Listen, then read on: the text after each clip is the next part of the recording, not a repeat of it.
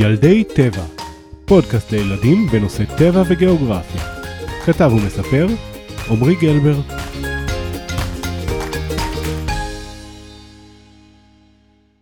היי ילדים, מה שלומכם? הפרק הבא נכתב עבור מפגש פרק לייב במסגרת פסטיבל מדברים מדבר שהתקיים בחודש מאי השנה, כלומר במאי 2022. היה לי כיף גדול לכתוב ולהנחות פרק יחד עם תמר קידר מהפודקאסט מדברים מדבר, שאני תמיד ממליץ עליו בחום. והיה כיף עצום לפגוש חלק מהמאזינים שעשו את הדרך הארוכה והיפה והגיעו עד למדרשת בן גוריון שבנגב. נושא המפגש היה מאובנים, ועכשיו אני מקליט אותו שוב במיוחד עבורכם. בסוף הפרק, דרישת שלום מחלק מהילדים שהשתתפו בהקלטת הפרק. אם הייתם ולא הוספתי אתכם, אל דאגה. תכתבו לי ונדאג לזה בפרק הבא. מבטיח. בשביל להתחמם, התחלנו עם חידון. רוצים גם להשתתף? יאללה. איך קוראים לגמל מהפרק הראשון בנושא המדבר?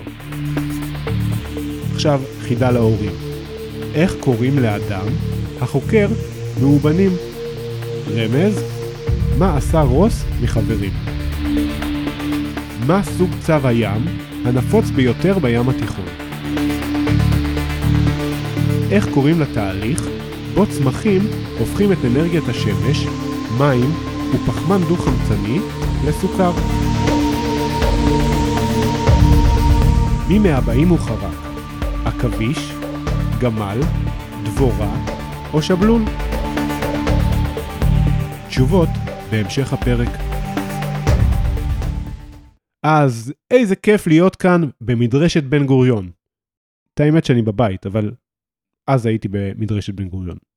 אני רוצה לספר לכם על חוויה משפחתית שעברנו, שקשורה לנושא של הערב. אתם מקשיבים? לפני כמה שנים, כשנפשנו באילת, יצאנו לטיול רגלי בקניון שחורת. שמעתם עליו? שאומרים לכם קניון, על מה אתם חושבים? חנויות ומזגן? אני, אני די בטוח שגם אתם חושבים על קניון בטבע, כי אתם הרי ילדי טבע. אז מה זה קניון? ערוץ נחל, מצוק מצד ימין, מצוק מצד שמאל, לפעמים קצת צל, אולי גב מים מרענן בעונה. זהו קניון. קניון שחורת, שבשמורת הרי אילת, נמצא לא רחוק מהעיר אילת, ואני ממליץ על הסיור בו מאוד. אם כי הוא מסלול קצת מאתגר. למרות שהגר לשנר היקרה סיפרה לי שאימא שלה הלכה את המסלול כשהייתה בת 80. אז כל הכבוד לאגר ולאימא שלה. כיצד קניון שחורת נוצר? בעומק כדור הארץ יש סלע מותח שנקרא, אתם בטח יודעים, מגמה, נכון. כשהמגמה פוגשת את האוויר, היא מתקררת ומתמצקת והופכת לסלע. לסלעים אלו קוראים צלעי תהום, כי מקורם במעמקי האדמה. אלו סלעים אשר אינם מאפשרים למים לחלחל לאדמה, ולכן המים שמחפשים דרך לזרום חצבו את דרכם בסלעים הקשים, וכך נוצר קניון שחורת המרשים. ועוד משהו מגניב, בקניון שחורת יש מלכודת נמרים עתיקה. כן כן, מלכודת ללכידת נמרים. עתיקה. אבל זה כבר לפרק אחר. הסיפור שלנו הוא לא על קניון שחורת, אפילו שזה מסלול ממש נחמד. במהלך הטיול ישבנו לנוח באפיק הנחל.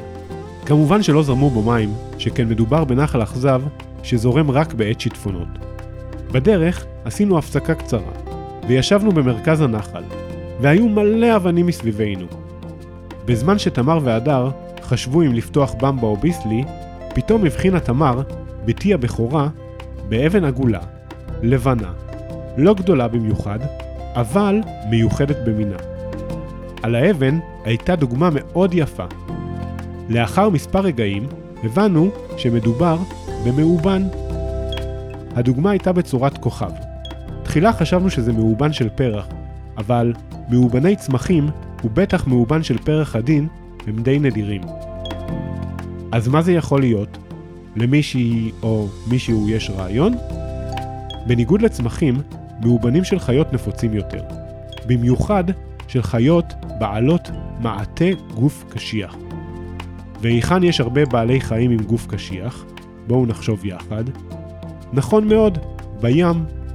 לקונכיות, צדפים ואלמוגים יש סיכוי טוב להפוך למאובן. אז מה הייתה צורת הכוכב? נו, אתם בטח כבר יודעים. זה היה כוכב ים שהתאבן. עכשיו, זו הייתה שאלה מאוד מעניינת. מאובן של מה? אבל שאלה מעניינת לא פחות, היא מה עושה מאובן של כוכב ים כל כך רחוק מהים? מישהו רוצה לנחש? מחשבה ראשונה יכול להיות שהמאובן נסחף מהים התיכון או מהים האדום. נשמע הגיוני? לא כל כך, נכון? הנחלים זורמים לים, ולא הפוך. הרוח יכולה להסיע אבק וחול, אבל מאובנים כבדים מדי. לא זכור לי שראיתי לאחרונה כוכב ים מעופף. אולי ילדים קדמוניים הם שהביאו את המאובנים למדבר לפני מיליוני שנים. מה אתם אומרים? גם לא כל כך הגיוני, נכון? לא היו בני אדם בתקופה הזאת. הרי המאובנים הם בני מיליוני שנים. אז מה? האמת היא שפעם המדבר, ולמעשה כל מדינת ישראל ואזורים שכנים, היו מתחת לים. ים קדום ששמו, מי יודע? מי יודע? ים תטיס. כמה קדום הוא היה? מאוד מאוד קדום. ים תטיס הוא אוקיינוס קדום שהפריד לפני מאות מיליוני שנים בין אסיה ואירופה לבין אפריקה. לא כל כך הבנתי. אם הוא אוקיינוס, למה קראו לו ים?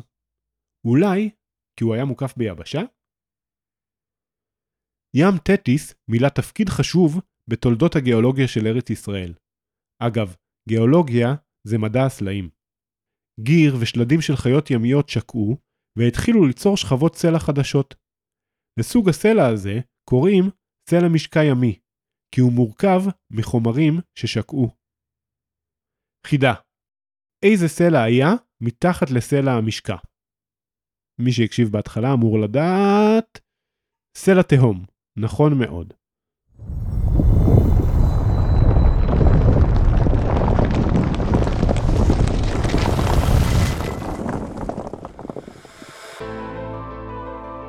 אבל האדמה לא נחה. אמנם היא זזה לאט מאוד, אבל אחרי אלפי ומיליוני שנים, הנוף משתנה. משתנה באופן דרמטי. הלוחות הטקטונים זזים, והרים וגבעות נוצרים, ומשכבות מסודרות נוצר מין ברדק גדול אבל מרהיב ביופיו. בעקבות התרוממות הארץ, ים תטיס נסוג לאחור, אבל אז התרוממו אזורים אחרים, וים תטיס חזר ושטף את האזור. כך המשיך הים לשטוף ולסגת מספר פעמים בעידנים שונים, כלומר, בתקופות שונות. התהליך הזה יצר שכבות סלע נוספות, וכמובן שהאדמה המשיכה לזוז, ושכבות אלה נשברו והוצבו על ידי הרוח והגשם, מה שנקרא תהליך הבליה, וכך נוצר בהדרגה הנוף הייחודי שאנו מכירים. וכך, כל שכבה עצרה אוצרות והחזיקה מאפיינים ייחודים משלה. כל שכבה כקפסולת זמן ששומרת חלקים מההיסטוריה של כדור הארץ. מה היה מזג האוויר באותה תקופה, מה הייתה תרכובת המים, האם התרחשו רעידות אדמה, האם התרחשו התפרצויות של הרי געש, וגם אילו בעלי חיים חיו באותה תקופה. ים תטיס נסגר בהדרגה כאשר יבשות אפריקה ואירופה-אסיה התקרבו זו לזו. את שרידי ים תטיס כולנו מכירים, הם הים התיכון, הים השחור והימה הכספית. והנה אנחנו כאן, אוחזים בידינו את המאובן שמצאנו, עדות לים הקדום שהתקיים לפני מיליוני שנים, ומלאי פליאה על עולמנו הקסום. ואם תהיתם, לאחר דיון ממושך, הדר ותמר בחרו לפתוח דווקא את הביסלי, וכמובן שהעטיפה ולכלוך נוסף שמצאנו בדרך חזרו איתנו הביתה.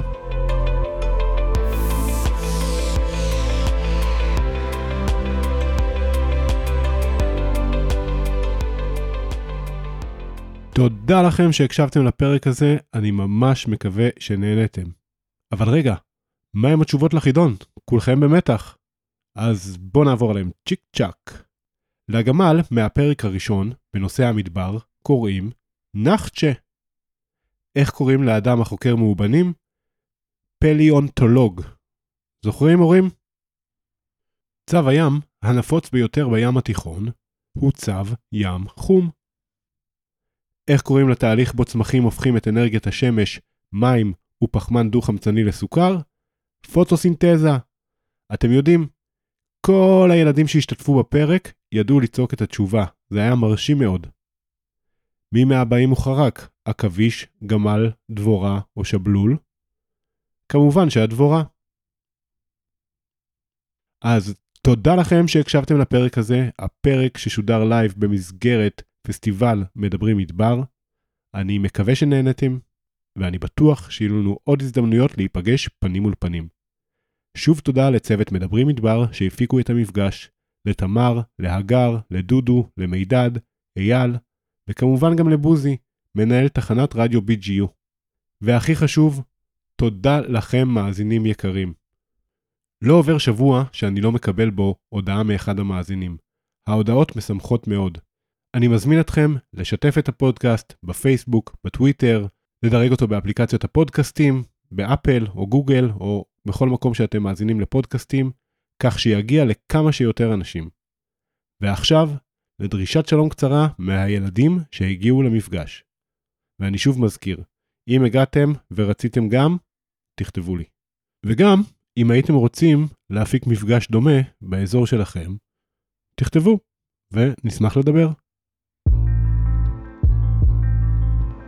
שלום, אני אלון, אני עוד שנייה בן שבע, אני גר בבית חנניה, והסיפור שלי הוא שליד מגרש טניס וכדורגל, אה, כדורסל וכדורגל, אז מסעתי הרבה מאובנים, אז ביוש, ביי ביי. אני יוגב, אני גר בבית חנן, שזה ליד חוף הכרמל. אני עוד מעט בן תשע, ואני מישראל. הייתי אצלכם בתוכנית, ושמעתי את כל הפרקים של שתי התוכניות. והסיפור שלי זה שבגן שלי חפרנו, וחפרנו, ואז מצאנו מאובן של צדפה, ואז עשינו הגרלה, ואז אני לקחתי אותו. זה היה בספרד, בגן שקראו לו אלמונטגו, על שם הר שקראו לו אלמונטגו. שלום, קוראים לי עדה, אני בן שש מתל אביב. אני אוהב את הפודקאסט בגלל שאני אוהב ללמוד וטיולים. שלום, קוראים לנו אביתר ואביגיל. אנחנו גרים בבית גוברין. אני אוהב לשמוע את ילדי טבע בגלל שאני אוהב טבע וזה, וזה פודקאסט על טבע. אני אוהבת לשמוע את ילדי טבע בגלל שאני אוהבת טבע. זה פודקאסט על טבע והוא מעניין. שלום, קוראים לי ערן, אני גר בבאר שבע, אני, אני אוהב לשמוע ילדי טבע כי אני לומד דברים חדשים. קוראים לי יותם, אני מבאר שבע ואני אוהב להקשיב לילדי טבע כי זה מעניין אותי.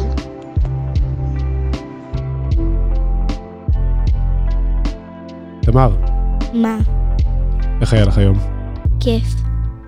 איך את חושבת שהילדים נהנו פה בפרק? מאוד. למה את חושבת ככה? כי זה היה נעים. אה, יש משהו שאת זוכרת מהפרק הזה במיוחד? כן. שזה היה לי כיף, וגם ש... שלמדתי עוד הרבה מזה.